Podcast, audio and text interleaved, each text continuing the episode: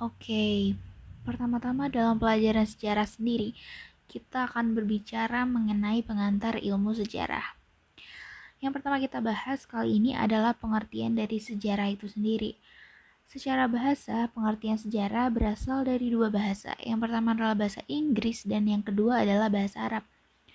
Dari bahasa Inggris yakni history berarti masa lampau dan dari bahasa Arab diambil dari kata saja roton yang berarti pohon. Kemudian ada dua tokoh yang mengemukakan apa itu sejarah. Yang pertama adalah Bapak Sartono Kartodirjo yang mengatakan kalau sejarah adalah rekonstruksi masa lampau atau kejadian yang terjadi pada masa lampau. Kemudian adalah Herodotus yang kita kenal sebagai bapak sejarah.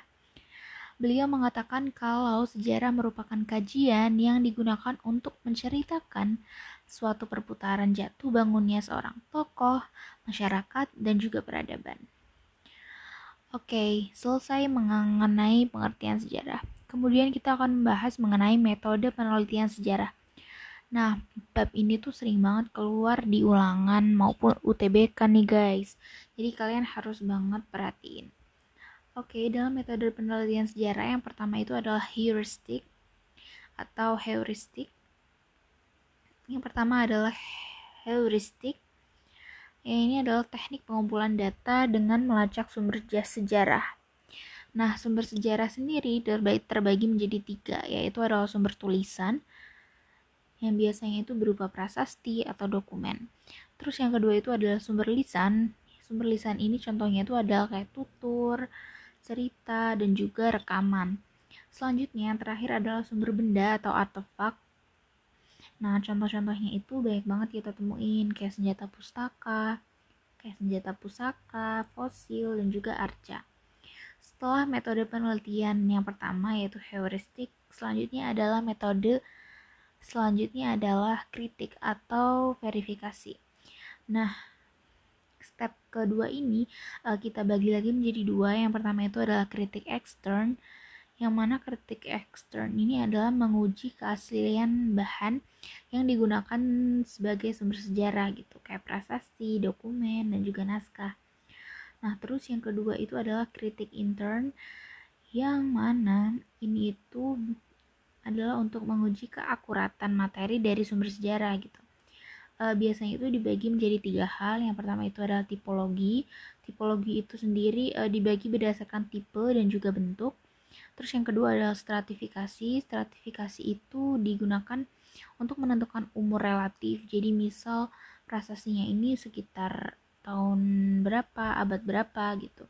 Terus selanjutnya adalah kimiawi. Kimiawi itu adalah e, mengenai ketuaan suatu peninggalan gitu. Jadi dari kandungan-kandungannya itu e, bisa diketahui itu e, tahun berapa juga. Oke, selanjutnya setelah tahap kedua yaitu kritik atau verifikasi, selanjutnya kita akan beralih ke step ketiga yaitu interpretasi. Interpretasi sendiri adalah menafsirkan fakta sejarah dan juga merangkai fakta tersebut sehingga jadi satu kesatuan yang harmonis dan masuk akal gitu. Terus step yang terakhir itu adalah historiografi atau penyusunan fakta-fakta sejarah yang telah kita seleksi. Jadi kalau udah jadi dengan bagus sudah rapi nah nah itu disusun dan juga diseleksi. Jadi kalau tahap finishing itu namanya adalah historiografi. Gitu. Kalau kita teliti dari kata-katanya sih histori dan juga grafi. Jadi kayak penulisan sejarah gitu ya Oke, okay, dan dalam pengantar ilmu sejarah juga ada ilmu-ilmu bantu yang membantu sebuah sejarah ini mampu untuk terbit gitu. Ada antropologi yang mempelajari tentang aspek kehidupan masyarakat dan kebudayaan, terus ada arkeologi, itu biasanya mempelajari manusia dan juga kebudayaan di masa lampau, kayak perkakas kuno yang biasanya kita lihat di museum-museum. Terus selanjutnya adalah ikonografi. Ikonografi ini adalah khusus untuk mempelajari arca, terus lukisan relief yang berisi lambang. Ada juga numismatik. Numismatik ini ilmu yang mempelajari khusus untuk koin, catatan bank, dan juga uang primitif gitu. Ada juga paleontologi, ini sering banget keluar ya. ini tuh adalah ilmu yang mempelajari binatang dan tumbuhan purba melalui analisis fosil gitu. Terus ada epigrafi. Epigrafi ini ilmu yang khusus untuk mempelajari tentang prasasti. Terus selanjutnya adalah keramologi. Keramologi ini adalah ilmu yang khusus mempelajari tentang benda bersejarah dari keramik. Jadi dari namanya aja udah kelihatan ya, keramologi. Terus selanjutnya ada geologi. Geologi ini pasti kalian tahu lah ya, ilmu yang mempelajari tentang lapisan bumi. Dan yang terakhir, tapi nggak bakal yang dan yang terakhir, tapi bukan yang paling terakhir adalah filologi. Filologi lo-nya ada dua, adalah ilmu yang mempelajari tentang bahasa, kebudayaan, dan juga peranata sejarah bangsa. Oke, kayaknya itu aja dari bab pengantar ilmu sejarah. Selanjutnya nanti kita akan membahas tentang zaman prasejarah. See you!